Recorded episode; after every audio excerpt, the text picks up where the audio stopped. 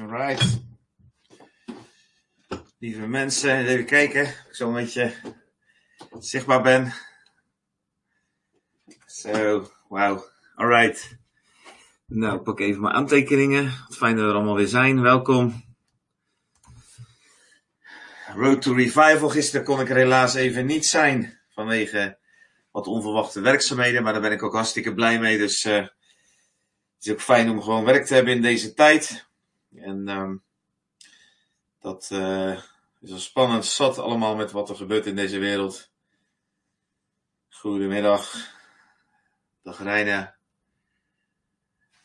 Alright, we gaan verder met uh, waar we gebleven zijn. Gisteren dus inderdaad eventjes overgeslagen. Um, en um, we gaan verder naar deel 7 van de Road to Revival. Ik hoop dat ik ook goed te verstaan ben. Ik ga er even van uit dat het goed is. Als het niet goed is, laat het dan even weten. Dan uh, kan ik uh, daar even actie op ondernemen.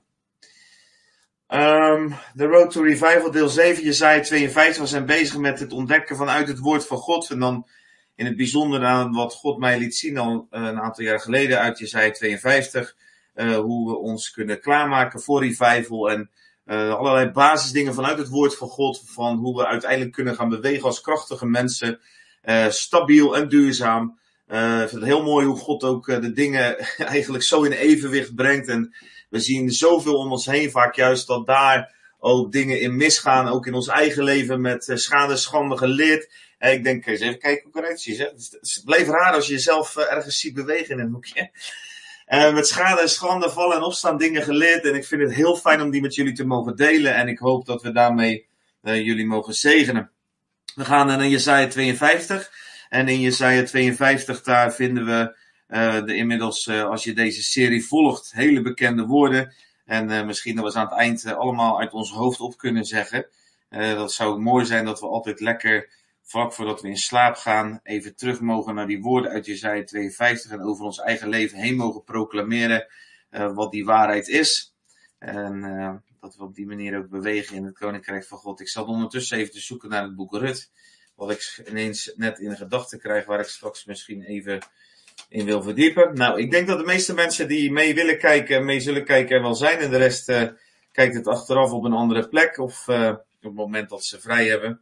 Want uh, niet iedereen heeft uh, de gelegenheid om om half twee smiddags zomaar op het gemakje een preek te gaan zitten aanhoren. Oké, okay, Jezaja 52. Ontwaak, ontwaak, bekleed u met kracht, Sion. Trek uw mooiste kleren aan, Jeruzalem, heilige stad.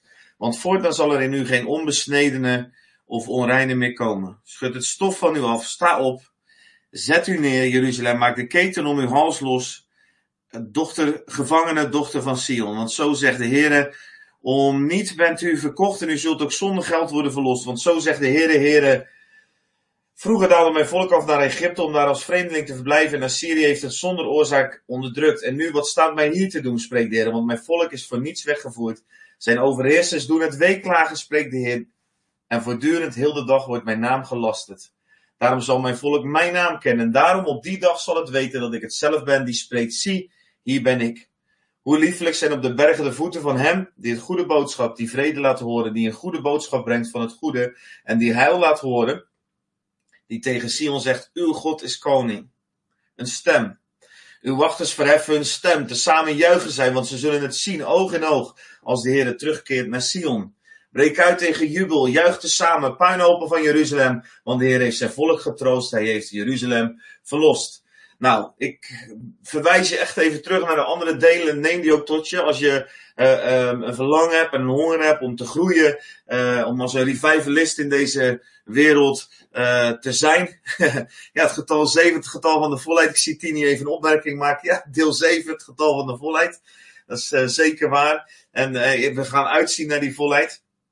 Um, deze woorden even heel kort geschetst. Waar, luister terug als je even gelijk een aantal vragen hebt van ja, wat is Jeruzalem, wat is Sion? Dat wordt door de delen heen uitgelegd en het is essentieel om te begrijpen hoe ik uh, vanuit daar dit ook toepast op jouw leven, op mijn leven. En hoe God daar ook door spreekt. En hoe hij zich kenbaar maakt en hoe hij kenbaar maakt. Het is eigenlijk een revival proces wat je hier vindt.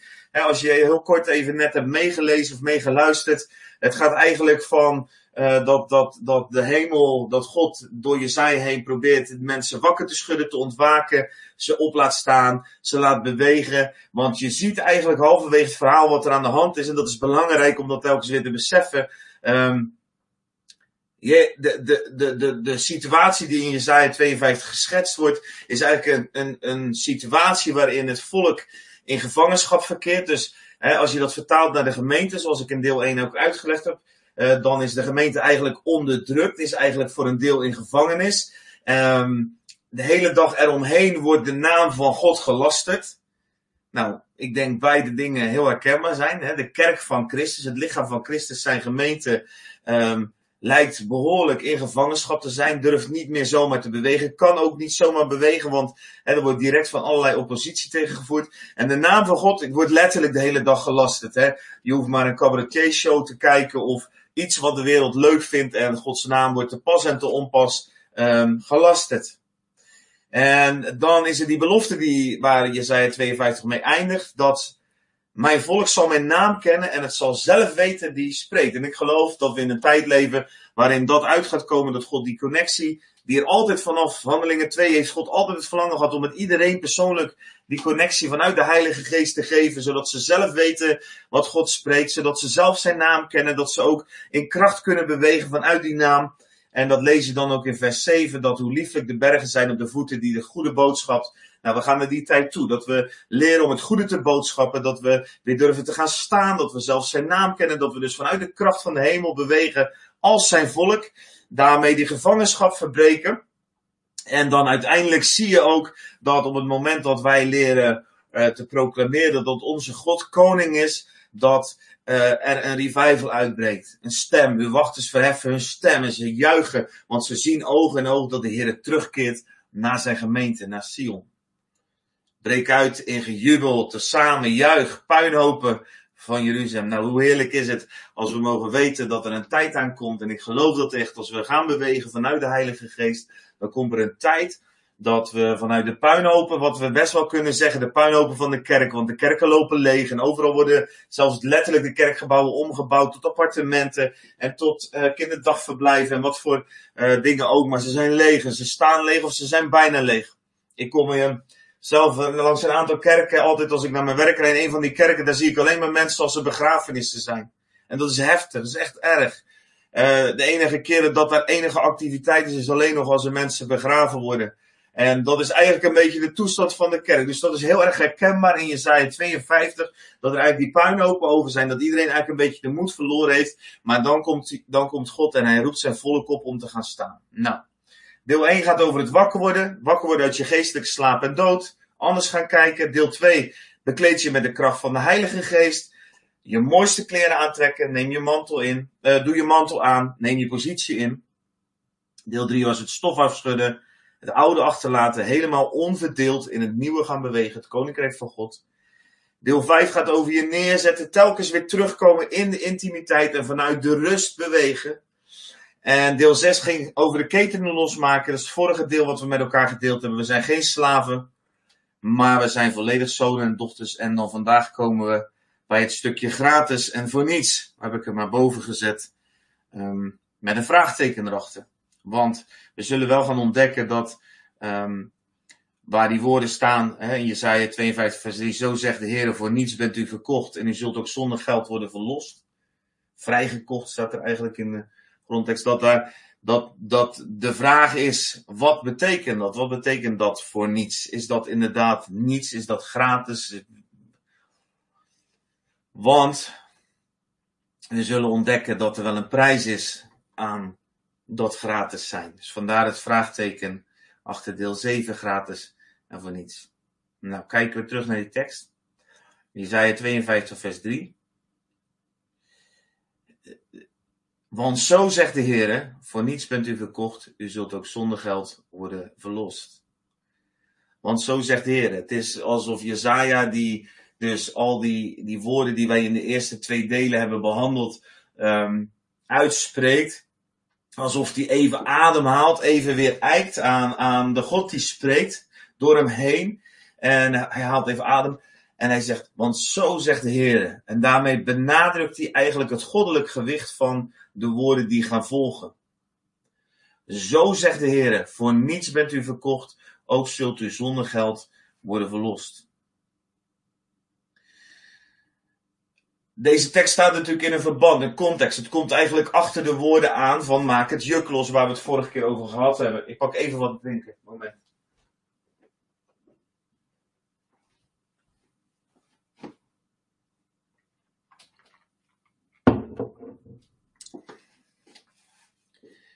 Het kijkt allereerst terug op die woorden daarvoor, hè, van je bent geen gevangene dochter van Sion. Eigenlijk benadrukt deze woorden weer opnieuw dat je gevangen was, maar dat je vrijgemaakt bent.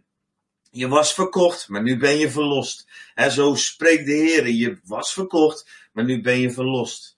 Um, het, heeft een enorm goddelijk gewicht, omdat er zo spreekt de Heer voor staat. Hè? Ik weet niet of je wel eens een cursus bij ons gedaan hebt, moderne profetie, uh, in het Nieuwe Testament, profetie in het Nieuwe Testament. Maar dan zal je mm, ongetwijfeld ontdekt hebben dat wij altijd benadrukken dat wij nooit spreken met de termen zoals uh, zo zegt de Heer. Dat is een oud-testamentische profeet. En het betekent niet dat iemand als profeet beweegt dat nooit eens een keer kan doen. Maar de zwaarte van die woorden, de autoriteit die die woorden verlenen aan onze woorden, uh, maken dat we dat niet zomaar lichtvaardig op enig moment kunnen gebruiken.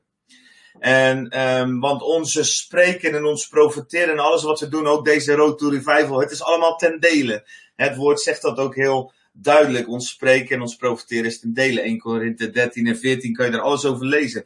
En dat ten dele, dat is natuurlijk ontzettend belangrijk om dat te beseffen. Maar als we hier de woorden van Jezaja lezen, die direct vanuit God geïnspireerd deze woorden opschrijft, dan benadrukt hij het goddelijke gewicht dat wij voor niets zijn verkocht en ook voor niets zullen worden verlost. Nou, laten we heel even inzoomen op die tekst voordat we het grotere heel geheel gaan uitwerken en vooral ook toe gaan passen in ons leven. Voor niets zijt u verkocht. Daar staat eigenlijk iets, zoiets als voor niets zijt u vervreemd geraakt. Wij zijn natuurlijk niet verkocht. Wij hebben eigenlijk een keuze gemaakt om onszelf te verkopen. Um, op basis van een halve waarheid zijn we, hebben we een halve waarheid in. Even terug voor de mensen. In Genesis staat het verhaal waar in Genesis 3 uh, hoe het misgaat tussen God en de mens. De mens die is geschapen in een perfecte volmaakte situatie.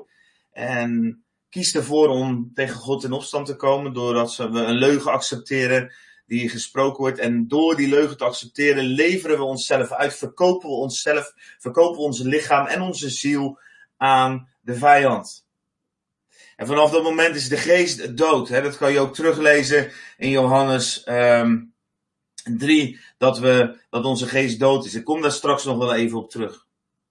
We zijn dus verkocht. We zijn vervreemd geraakt. We zijn, in Romeinen 7 vers 14 staat het heel duidelijk. Paulus schrijft in een hele duidelijke zin. Want wij weten dat de wet geestelijk is. Dit, dit staat in de context van, hè, van over hoe wij over de wet zijn uh, theorie, zijn theologie en zijn openbaring met ons deelt. Maar dan staat er dit prachtige zinnetje wat zo ontzettend waar is. Maar ik ben vleeselijk en ik ben verkocht onder de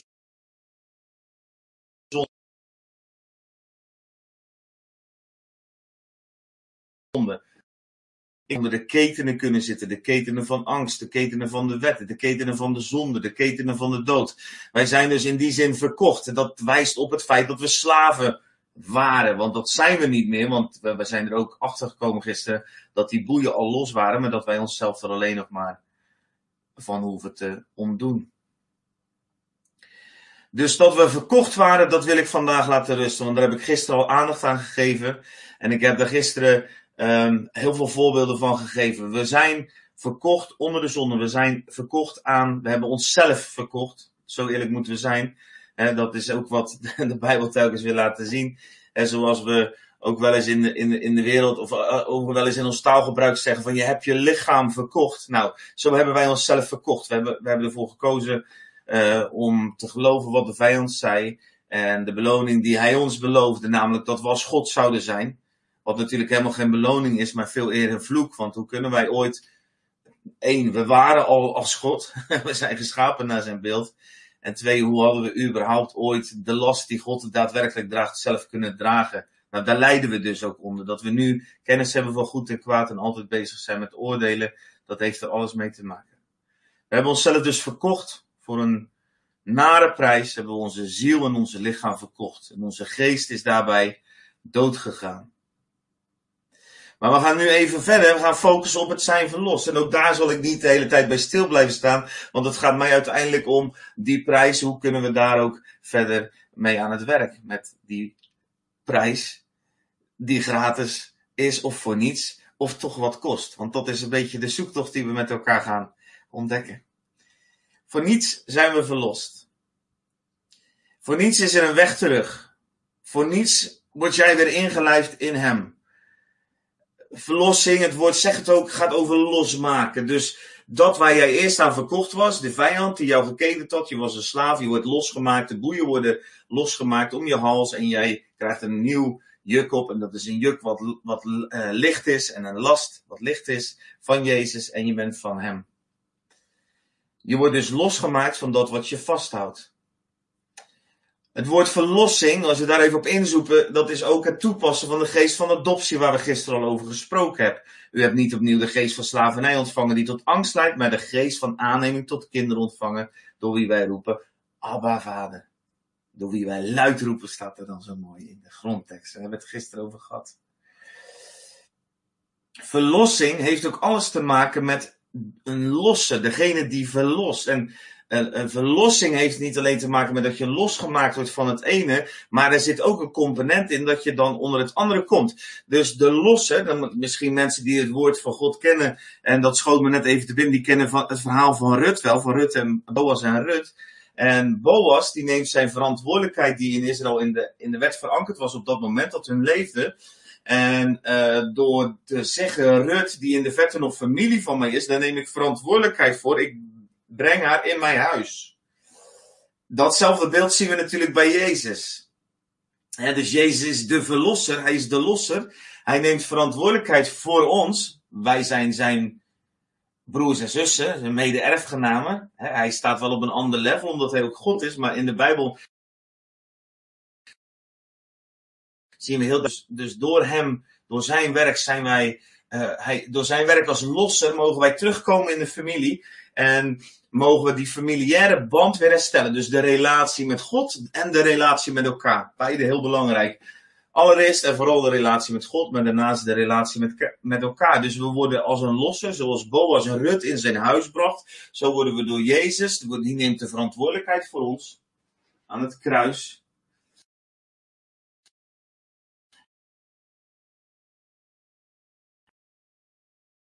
En dan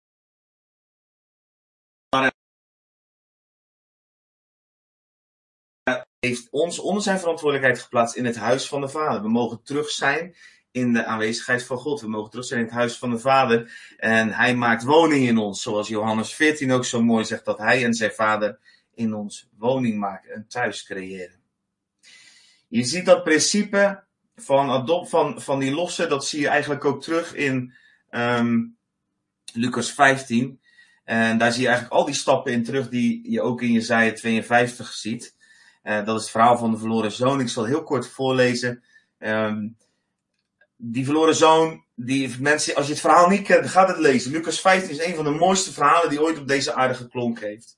Een van de krachtigste verhalen ook. Een jongen die gaat helemaal fout. Uh, eigenlijk stapt hij uit het zoonschap. Uh, door de erfenis op te nemen, alles achter hem te laten, de rug toe te keren naar wie hij was en zich toe te keren naar wat hij graag zou willen zijn. Hij komt er alleen achter dat dat wat hij zou willen zijn, dat dat leeg is. En nadat zijn geld op is, belandt hij bij de varkens. En uh, al kauwend op de schillen en tussen de varkensstront bedenkt hij dat het eigenlijk veel beter was bij zijn vader. Nou, dat is vrij symbolisch voor hoe de meeste levens op deze aarde gaat. Afhankelijk van je situatie kom je er eerder of later achter dat je tussen de varkens en de varkensschillen zit. En is er altijd die weg terug naar de vader. En als hij bij de vader komt, gebeurt er van alles. Eén ding wat de vader niet doet, is naar hem luisteren op dat moment. Hij omarmt hem alleen maar. En al die dingen die hij wil zeggen van hoe onwaardig hij is, die worden weggewuifd. En wat doet de vader? Dat vind ik zo mooi. Hij geeft hem een ring aan zijn vinger. Hij geeft hem een mantel om zijn ding. Dus hij kleedt hem eigenlijk aan gelijk, zodat zijn schaamte bedekt wordt, maar ook de mantel die de autoriteit en de positie gelijk teruggesteld. En die ring aan zijn vinger, wat eigenlijk gewoon een creditcard van pinpas was. Um, in die tijd, want daar kon je contracten mee sluiten namens de familie. Dus in het woordje verlost zit ook het woord dat wij weer terug zijn in een familie. En daarom is het zo belangrijk om te beseffen dat je uh, met God de Vader verbonden bent. En daarom is het ook ontzettend belangrijk om te weten dat we verbonden zijn met elkaar. En we komen terug in een gezin. Nou oké, ik laat dit ook even liggen. Ik ga er even van uit dat uh, je daarmee bekend bent met het plan van God, met de heil van God. Uh, ik kan nog iets zeggen over dat, het, uh, dat er natuurlijk staat van uh, voor niets zijn wij verlost. Dat is ontzettend belangrijk, want het is inderdaad voor niets. Dus het heeft ons niets gekost. Jezus wel. Daar kom ik zo nog even op. Maar het is dus genade. Dus wij zijn voor niets verlost. Het kost ons niets. En um, wij noemen dat, in, noemen dat genade. En het is ontzettend belangrijk om die genade te uh, absorberen in je leven. Om te beseffen dat hoe goed en hoe mooi jouw leven er ook uitgezien heeft. Dat jij alleen maar weer terug kan komen in die relatie met God door genade. En waarom is dat super belangrijk? Omdat in de diepte waarmee wij zelf die genade ervaren, het voor ons ook mogelijk is om dat door te geven. En we gaan er straks op komen, maar we zijn bezig met de road to revival. We zijn bezig met hoe kunnen wij in ons leven daadwerkelijk krachtige mensen worden die leven brengen om ons heen. Dan is het dus ontzettend belangrijk dat wij beseffen en heel diep in die genade zijn. En ik ben iemand, ik heb ontzettend veel gezondigd. Ik had echt een rot leven voordat ik Jezus leerde kennen. Uh, nou ja, ik hield me bezig met varkensschillen en varkens zal ik maar zeggen omwille van de tijd. Maar um, het was heftig. Mijn leven, daar zat niet veel goeds in. Ik bedroog alles en iedereen, inclusief mijn eigen vrouw. Um, en leefde een leven wat alleen maar op mezelf gericht was. En toen Jezus in mijn leven kwam, ervaarde ik dus ook heel veel verlossing. Ik werd van heel veel dingen bevrijd en verlost. En heel veel vergeving was. Verzoening, vergeving. Alles stroomde in mijn leven met bak. En ik had het keihard nodig. Ik had het keihard nodig. En voor mij is het, omdat ik zoveel ontvangen heb, omdat ik het zo hard nodig heb, is het ook niet moeilijk om dat weer door te geven. Want zoals Paulus ook vaak zegt, en Paulus was een moordenaar en die eh, heeft, de, uh, de, die heeft christenen vervolgd en vermoord, zegt hij vaak van ik was de grootste van de zondaren. Nou, dat gevoel ken ik ook. Um, mensen kunnen naar mij toe komen de meeste bizarre dingen en dan nog heb ik al vanuit mezelf al die genade. De Bijbel zegt ook, wie veel vergeven is, zal ook veel kunnen vergeven. Als je dat niet hebt, als je vrij netjes geleefd hebt, je bent christelijk opgegroeid, uh, je, het is uh, redelijk goed gegaan in je leven. Of je bent een enorme rechtvaardige mens, zoals mijn vrouw bijvoorbeeld, Michelle, die altijd bewaard is voor heel veel dingen. Die zichzelf ook heel goed kon disciplineren, haar hele leven lang. Um, dan moet je dus heel bewust ook bezig gaan zijn met het concept genade. Dat je dus verlost bent om niets. Dat jij daar niets aan hebt kunnen doen.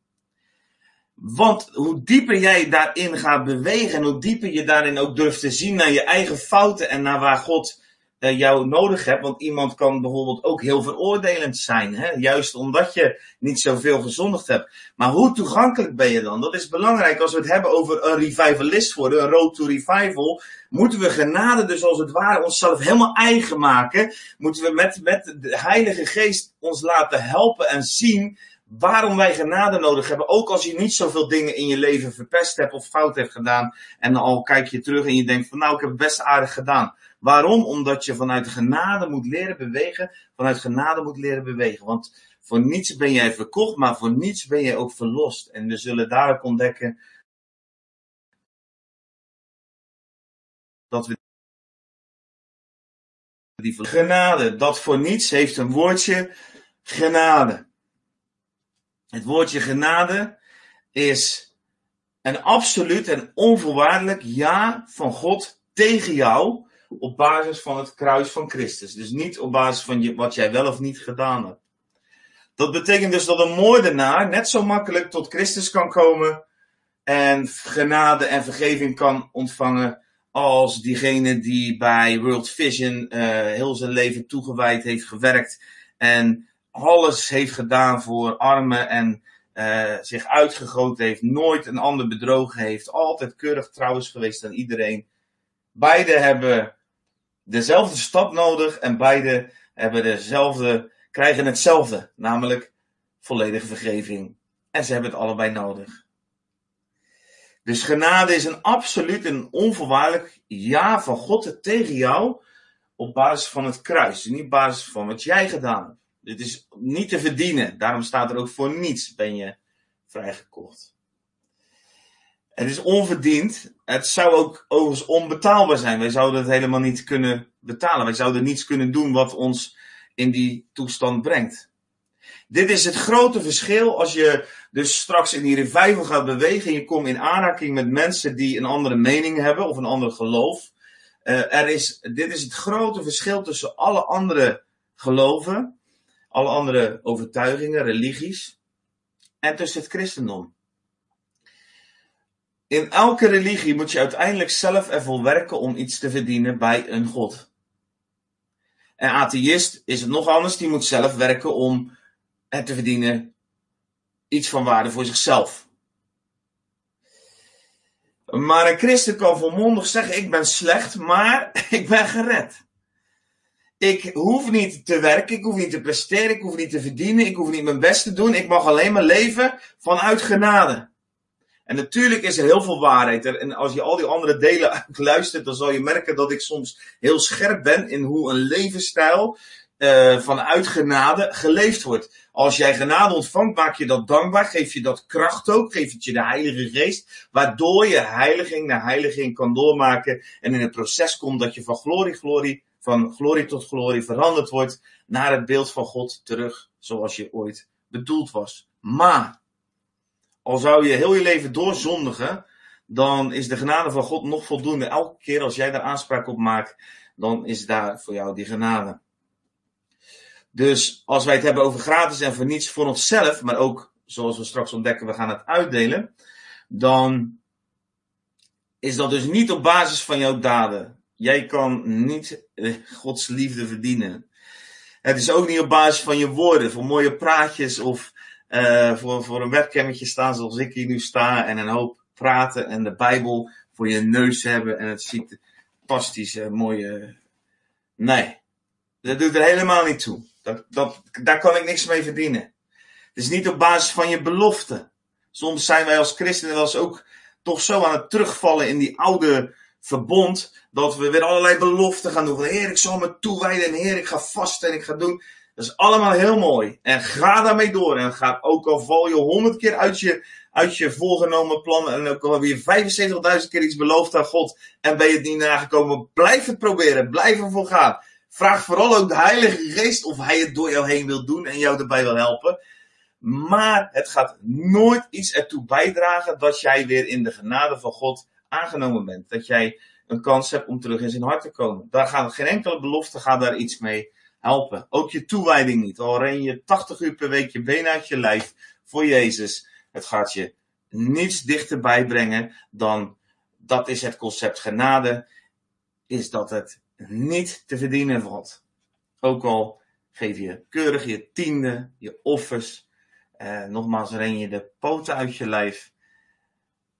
Eh, er is niets te verdienen bij God. Dus hij komt ons zonder geld. Waar komt die genade nou vandaan? genade is namelijk een geschenk, daar kom ik zo op terug. Hij koopt dus ons dus zonder geld, koopt hij iets wat hij ons wil geven, dus zonder prijs. Krijgen wij een geschenk wat verlossing brengt. Maar het heeft natuurlijk wel een prijs. Het is niet zo dat het voor iedereen gratis is geweest, want er is één iemand die die prijs betaald heeft. En dat is God zelf. In zijn zoon Jezus Christus, die hij uit de hemel aan deze aarde gaf om daar vernederd te worden en aan een kruis te gaan.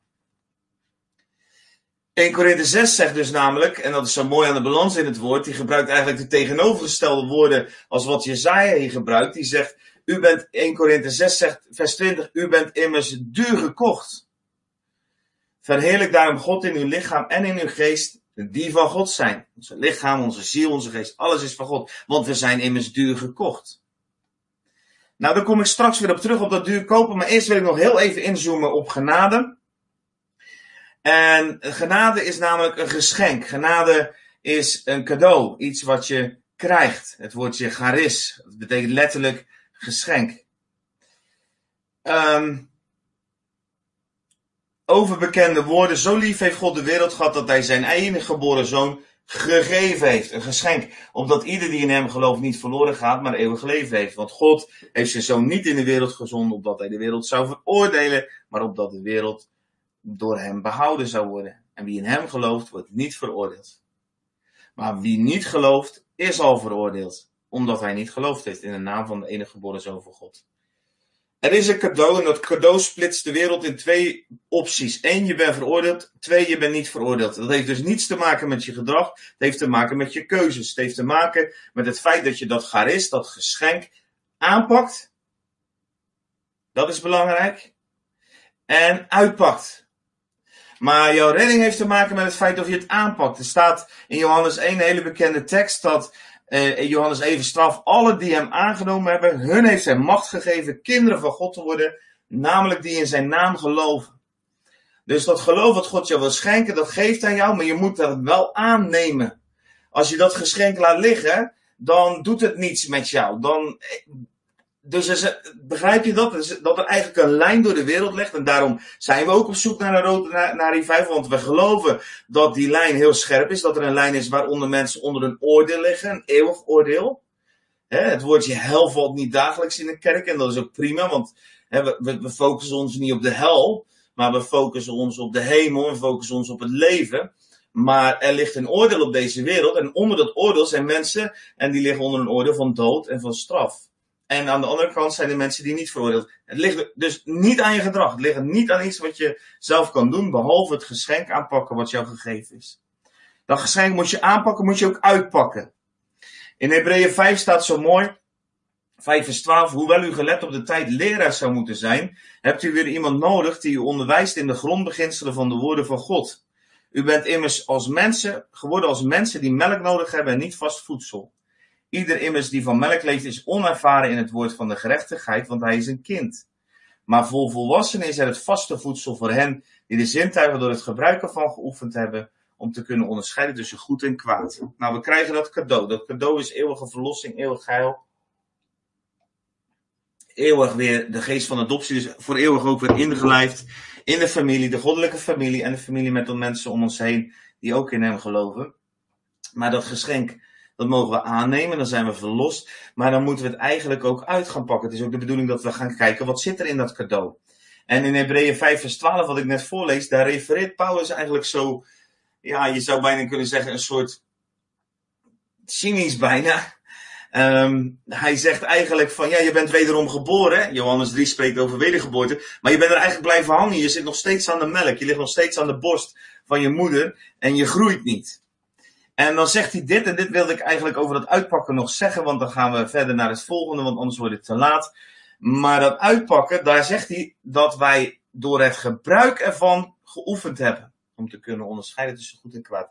Dus hoe meer wij gebruiken, hoe meer wij bewegen, hè, waar dit ook over gaat, bewegen in het koninkrijk van God, hoe meer wij dat van wat, van wat we van God hebben gekregen, uitpakken, hoe meer wij vast voedsel tot ons nemen, hoe meer wij in zijn woord zitten, hoe meer wij bezig zijn met zijn geest, hoe meer we in intimiteit leven, hoe vaker we zullen gaan opstaan, hoe vaker we het stof afschudden, hoe meer wij bezig zijn door het gebruik ervan, daar worden we steeds meer geoefend. Het is net het gewone leven. Hoe meer wij in de sportschool zitten, hoe strakker dit wordt. Hoe meer, dat is het. We moeten het gebruiken. Dus we mogen het aannemen, dan zijn we verlost, zijn we voor eeuwig gered en dan mogen we het gaan gebruiken. En dat gebruiken leidt direct toe dat we het uit gaan delen. Dus we ontvangen, we pakken uit en we delen uit. En dat staat zo mooi dat als u op weg gaat, in Matthäus 10, vers 7 tot 8, als u op weg gaat, predik dan dit. Het koninkrijk van de hemel is nabijgekomen. Genees zieken, reinig melaatsen, wek doden op, drijf demonen uit. U hebt het voor niets ontvangen, geef het om niets. Een referentie naar Jesaja 52. Voor niets bent u verlost. Voor, uh, u bent voor niets verkocht en u zult ook zonder geld worden verlost. Ik ga eens even kijken hoe het er precies staat. Ja, voor niets bent u verkocht, ook zult u zonder geld worden verlost. En wat doet Jezus in Matthäus? 10 vers 7 en 8. Hij pakt die woorden uit Jezaja 52, net als dat ik dat elke keer doe. En hij doet dat met de hoogste autoriteit en hij geeft die woorden door aan die uh, discipelen, aan die groep van 70, 72 mensen, die hij uitzendt in deze wereld. Om wat te doen? Om de zieken te genezen, de melaatsen te reinigen, de doden op te wekken en demonen uit te drijven. Want, zegt hij, en daarmee refereert hij in Jezaja 52, u hebt het voor niets ontvangen, je bent voor niets verkocht, geef het dan ook weer voor niets weg. En bij dat stapje kom je eigenlijk ineens in het principe dat het is gratis en voor niets. Ja, het heeft Jezus een prijs gekocht, maar hij vraagt eigenlijk op zo'n moment aan ons, wil je ook uit gaan delen? En ik denk dat dat de vraag is die ik vandaag centraal wil stellen als het gaat over gratis en voor niets met een vraagteken erachter, dan wil ik jou vragen, ben jij ook bereid om toch een prijs te betalen? Want er zit klaarblijkelijk toch een prijs aan. En dat is geen addertje onder het gras, het is een extra possibility. Het is iets waarin Jezus je uitdaagt, zoals ik al eerder gesproken heb in het sta op, zoals hij ooit de rijke jongeling uitdaagde, volg mij.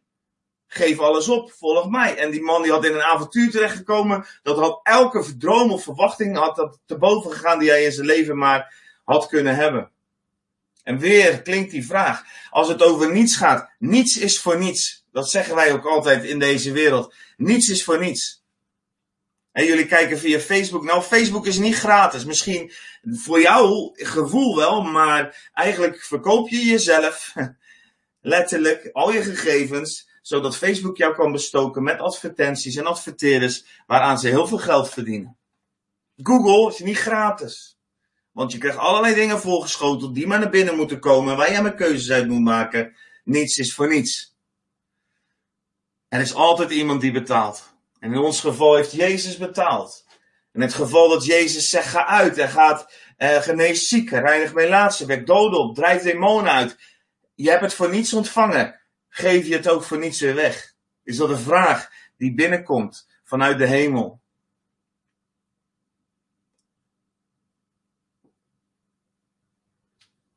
Voor niets gaat de zon op, dat zeggen we ook wel eens. Ik heb voor niets gaat de zon op. Nou, dat is waar. Maar in Matthäus 5, vers 44 tot 45 staat ook dat, dat we onze vijanden lief moeten hebben. Hen moeten zegenen die u vervloeken. Goed doen aan hen die u haten. Bidden voor hen die ons beledigen en ons vervolgen. Zodat wij kinderen zullen zijn van de Vader. Die in de hemel is. Want hij laat zijn zon opgaan over slechte en goede mensen. En laat het regenen over rechtvaardigen en onrechtvaardigen. Dus de zon gaat voor niets op. Maar eigenlijk gaat zelfs de zon niet voor niets op. Want zelfs daarvoor is er altijd een vader die daarvoor zorgt en daarin trouw is en daar een prijs voor betaalde. Want ook daarvoor betaalde hij de prijs van zijn zoon, de schepper van de hemel en de aarde. Jezus betaalde de prijs voor ons, maar ben jij bereid om ook die prijs te betalen?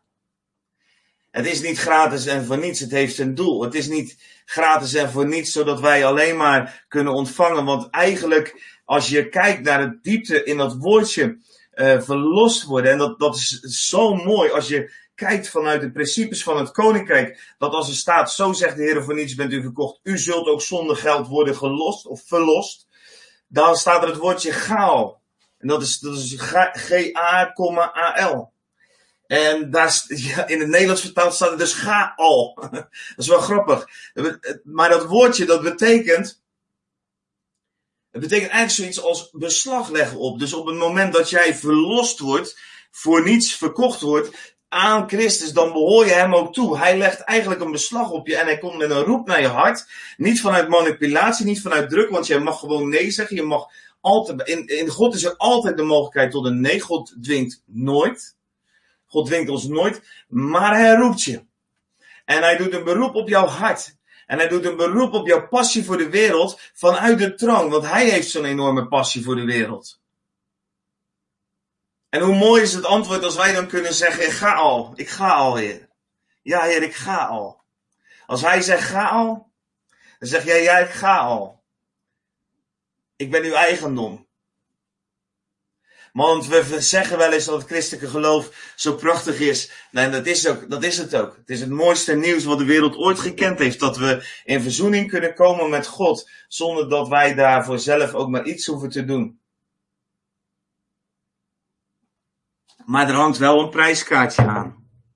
Als wij daadwerkelijk die road of revival willen gaan bewandelen. Als wij daadwerkelijk onszelf willen uitstrekken naar een leven waarin de kracht van God voortdurend openbaar komen, als wij willen gaan bewegen om demonen uit te drijven, zieken te genezen, hangen prijskaartjes aan. En die prijskaartjes zijn op dit moment nog wel weer behoorlijk aan het stijgen. Je merkt het ook in de media. Ik zie dat ook bij bedieningen die op dit moment worden, worden, worden onder druk worden gezet. En ik, ik heb daar geen oordeel over op dit moment. Maar ik zie wel dat de maatschappij en de cultuur zo begint te veranderen. Dat je straks eigenlijk al, al, dat je, dat je al niet meer mag doen wat Jezus deed. Namelijk bevrijding brengen en genezing uitspreken en heling uitbrengen. En wij moeten wandelen als Jezus. Dat is de road to revival. Hoe meer wij opstaan, hoe meer wij gaan bewegen zoals Hij beweegt in deze wereld. Zoals Johannes eh, schrijft in zijn brief. Hoe meer wij zo gaan bewegen, hoe meer er dus oppositie komt. En dat is, dat is geen verrassing. En het is misschien ook niet de oproep waar je ooit op gereageerd hebt toen je voor het eerst Jezus leerde kennen. Want toen wilde je af van je last. Maar Jezus gaat wel verder. Hij vraagt ook, wil je mij volgen? En dan zegt hij in Johannes 16, vers 33, deze dingen heb ik tot u gesproken. Hij zegt allerlei mooie dingen in Johannes 16, opdat u mijn vrede, mijn vrede zult hebben, want in de wereld zult u verdrukking hebben. Maar het goede moed. Ik heb de wereld overwonnen. Ik denk dat het reële verhaal van de Road of Revival is not a road of victory. Ja, het is wel, het is wel een road of victory, maar het is geen triomfenmars. Het is een mars het is een weg waarin het lijden gewoon heel erg duidelijk aanwezig is. Want alles wat, wat gratis is, heeft een prijs. Niet voor degene die het ontvangt, maar wel voor degene die het uitdeelt. Zoals Jezus het uitdeelt aan jou en het een prijs heeft voor hem. Dan kan jij het gratis ontvangen. En hij vraagt aan jou, wil je dat weg gaan geven? Gratis en voor niets, wat ik jou gegeven heb. Paulus wist er ook over mee te praten. Driemaal ben ik met de roede gegezeld. Eén keer ben ik gestenigd, driemaal heb ik schipbreuk geleden en etmaal heb ik doorgebracht op volle zee. Telkens op reis. Ik heb een leven zonder rust, zegt hij eigenlijk. In gevaar door rivieren, in gevaar door rovers, in gevaar door volksgenoten, in gevaar door heidenen, in gevaar in de stad, in gevaar in de woestijn, in gevaar op de zee, in gevaar onder valse broeders. In moeite en inspanning, tal van nachten zonder slaap, in honger en dorst, tal van dagen zonder eten, in kou en in naaktheid. 2 Korinthe 11, vers 25 tot 26. It's another victory march. It's another victory march. De road to revival is een, is een weg van zelfverloochening. Zoals Jezus ook tegen zijn discipelen zei: Indien gij uzelf niet verloochent en mijn kruis op zich neemt, dan kan je mij niet volgen, dan ben je mij niet waard. Heftig. Kijk, we staan vaak zo mooi en dan proclameren we de overwinning en dat mag. Maar de eerlijke road to revival vraagt een nederigheid, en vraagt een overgave, vraagt een bewustzijn van al die struggles. Zoals Paulus hier spreekt over alles wat hem overkomen is, wat het hem gekost heeft. Wat gratis en voor niets. Ja, voor degenen die het ontvingen, voor de steden die tot leven kwamen, voor de revival die uitbreekt, voor hem was het gratis en voor niets. Maar voor Paulus kostte het hem alles. Het kostte hem alles. Uiteindelijk kostte het hem zelfs zijn leven. En, en uh,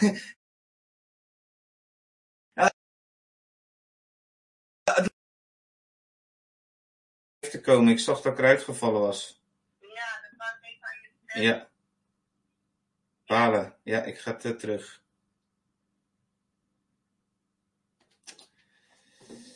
Oh, oh. Die internetdingen. Dat is af en toe wat, lieve mensen. Even kijken of ik nu weer live ben waardeloos, als ik het zo mag zeggen. Ja, ik ben weer live en dan moet ik even kunnen kijken of ik dat dan ook voor jullie kan delen. Uh, even kijken, delen. Uh, oh.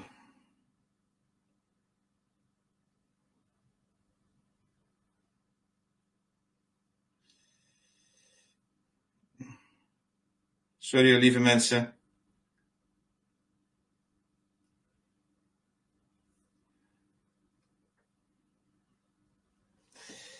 Ja, nou, dat is jammer. Ik, uh, ik hoop dat de andere mensen mij ook weer terug gaan vinden. Um, een of andere demon in die internetverbinding hier. We hebben hier supersnel internet, maar klaarblijkelijk uh, praat ik nog sneller dan het internet en uh, klap ik het dan weer uit. Wat overigens heel vervelend is. Maar waar waren we? We waren op een hele ernstig moment. Namelijk dat het ons alles kost. En ik had voorgelezen van Paulus, die zegt van wat hem allemaal overkomen is en wat het hem gekost heeft. Het kostte hem letterlijk alles. En dat is het eerlijke verhaal. Als wij ontvangen, als wij uitpakken en dan ook ja zeggen om weer uit te gaan delen, wat we zullen moeten als we de Road of Revival willen doen, als we geloven dat er een wereld in nood is, als we geloven dat uh, er een God is die zo verlangt naar zijn verloren zonen en naar zijn verloren dochters, dan moeten we op die road durven ons begeven, uh, maar dat is een heftige weg. En Paulus die zegt in Galaten 6 vers 17, laat niemand mij verder lastigvallen. En ik vind dat heel mooi. En soms kunnen we zo als een baby met elkaar omgaan. Maar hij zegt gewoon hier, jongens, echt. Alles wat mij gebeurd is in mijn leven heb ik gedaan voor Christus. Val mij niet lastig. Ik draag de littekens van de Heer Jezus in mijn lichaam. Nou, zie ons dan staan. Het ergste wat er kan gebeuren is dat een internetverbinding eruit valt. Maar als we maar even tegenweer krijgen, of als er maar even iemand in de media iets roept over, oh jongens, wat, wat, wat bevrijding dit of bevrijding dat, dan beginnen we allemaal al te shaken en dan denken we, oh, stel je voor dat het mij overkomt en dat ik het land uit moet, of dat iedereen op het internet gaat zoeken naar mijn naam en dat ik gelasterd word. Ja! Ja! Als je de road to revival wil lopen, dan zou je daarin, als dat je uh, on, onverschrokken moeten zijn. Dus de eerlijke kant van het woord. Het is, we kunnen het niet mooier maken. Ja, er is verlossing voor jou aan het kruis. En wil je verder gaan dan het kruis, dan gaat het je heel veel kosten en moet je bereid zijn dat het je alles kost. Het is een uitdrukking die wij niet heel vaak gebruiken, tenminste niet in de kringen waar ik me beweeg. En dat is dat het bloed van de martelaren het zaad van de kerk is. En wij hebben geen idee. Wij hebben geen idee wat dat inhoudt als we dat soort woorden uitspreken. Maar Jezus wist dat wel. Die wist wel wat er zou komen. Die wist ook wat het evangelie los zou maken. En wat een weerstand de wereld zou hebben tegen het evangelie. Ik noem nog even, ik heb Paulus genoemd. Ik zal je Petrus noemen. Petrus zegt, ook al zou u moeten lijden vanwege de gerechtigheid, dan bent u zalig. Wees niet bevreesd zoals zij bevreesd zijn. Laat u niet in verwarring brengen. Want het is, en dan sla ik even twee versen over. 1 Petrus 3, vers 14 tot 18. In vers 17 staat dan, want het is beter te lijden als dat Gods wil is. Terwijl u goed doet, dan terwijl u kwaad doet. Want ook Christus heeft eenmaal voor de zonde geleden. En dan, want ik moet gaan afsluiten, want ik zie dat het al bijna weer half drie, of uh, bijna half drie is. Dan wil ik eigenlijk uh, afsluiten met uh, wat Jezus zelf zegt over deze dingen. Gratis en voor niets. Maar het is niet gratis, want alles heeft zijn prijs. Ja. Ja, Linda, ik zie te vurig. Ik ben bang dat ik te snel praat. Dat internet houdt het gewoon niet bij, klaarblijkelijk. Zoveel waarheid in. oh, oh. We gaan afsluiten met Jezus en we gaan het toepassen in ons eigen leven. Jezus zegt dit en dat is, dit is serious, serieuze stuff. Misschien als je uh, uh, um, de Bijbel bij de hand hebt, kan je het er even bij pakken. Of ik zal het ook even delen anders in de chat. Matthäus 10, vanaf vers 22. Ik zal het even kopiëren. Dan kan ik het zo plakken volgens mij, als ik het goed heb. Zo, even kijken, kopiëren. En dan moet ik even op Facebook en dan ga ik plakken. Ja.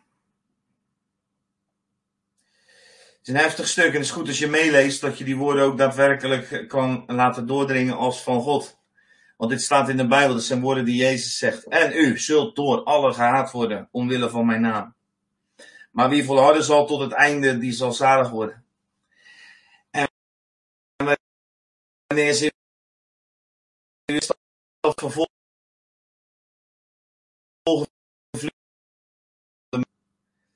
discipel, wij volgelingen, staan niet boven hun Heer. Staan niet boven de meester. En een dienaar, wij staan niet boven onze Heer. Het moet genoeg zijn voor de discipel dat hij wordt zoals zijn meester. En dat de dienaar wordt zoals zijn Heer. En als zij, en hij heeft het dan over de mensen, de heren van het huis, Beelzebul genoemd hebben, hoeveel te meer zijn huis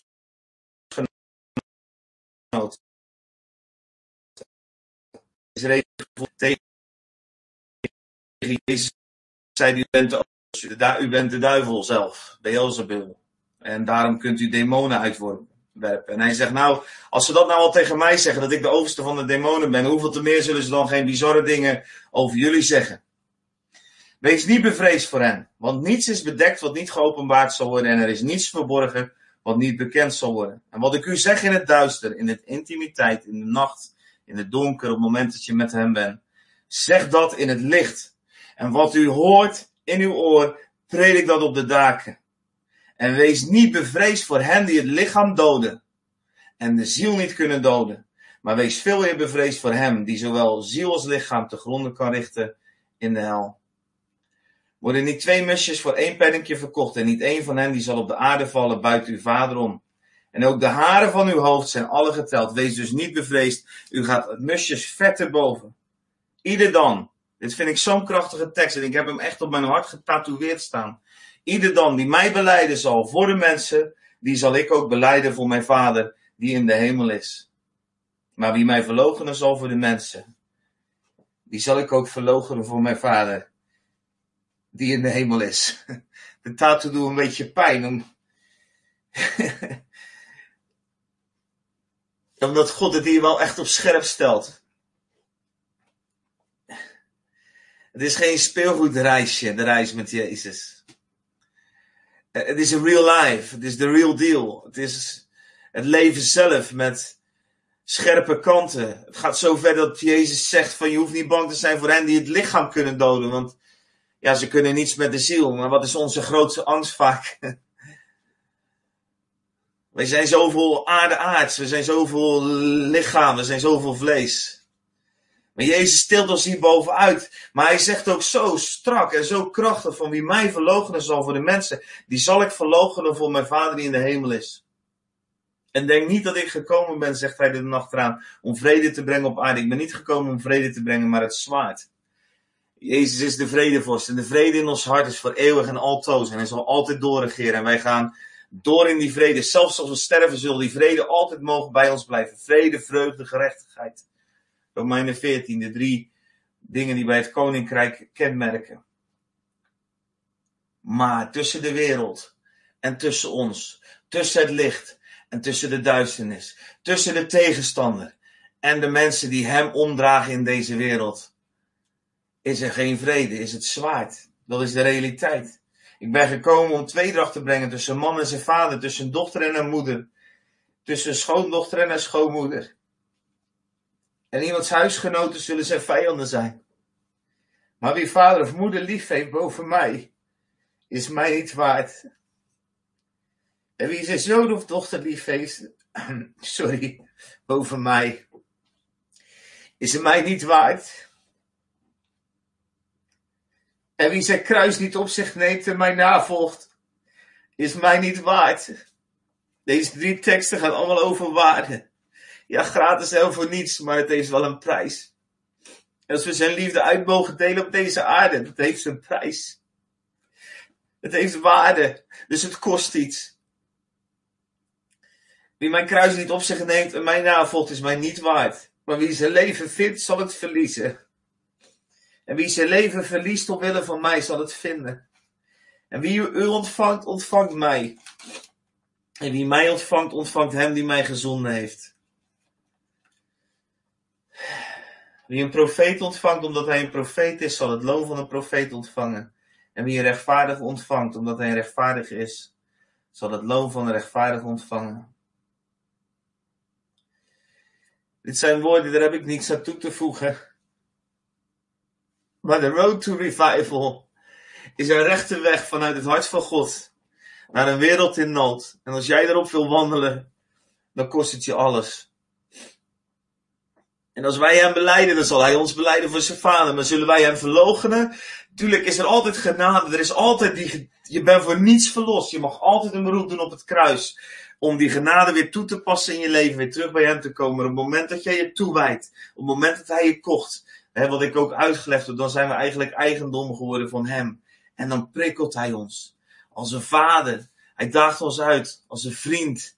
Hij geeft ons soms een schop onder onze kont. Misschien wel als een moeder, maar hij troost ons ook waar we het moeilijk hebben. Maar hij is de waarheid zelf en hij zegt de waarheid. En deze woorden, ze zijn misschien heel hard in je oren, maar ze zijn zo waar. Hij zegt, wie zijn leven zal verliezen om mij wil, die heeft het behouden. Maar andersom ook. En wie, mijn vader, wie zijn vader of moeder lief heeft boven mij, is mij niet waard. Wie zijn kruis zich niet opneemt en mij navolgt, is mij niet waard. En ik wil gewoon aan het eind van dit verhaal wil ik je oproepen om je wil erop te zetten. Als je daar aan toe bent. Want anders moet je gewoon hup, pauze, livestream, klikken, gaan naar het volgende op Facebook. Als je aan toe bent om die road of revival te wandelen, om te zeggen, Heer, ik wil die leven, ik wil leven brengen. En ook al kost het me mijn leven, ook al kost het me mijn, alles, mijn vriendschappen, mijn ouders. Wat mag het kosten? Het is niet gratis en voor niets. Het kost veel. De prijs is hoog. Het is wat Jezus hier zegt. Ik kan er niet iets anders van maken. Om dat wat wij ontvangen hebben weer door te geven. Gratis en voor niets. kan ons alles kosten. En vader, ik ben bereid om die prijs te betalen. Als jij dat met mij bent, dan wil ik vragen of je hand op je hart wil leggen.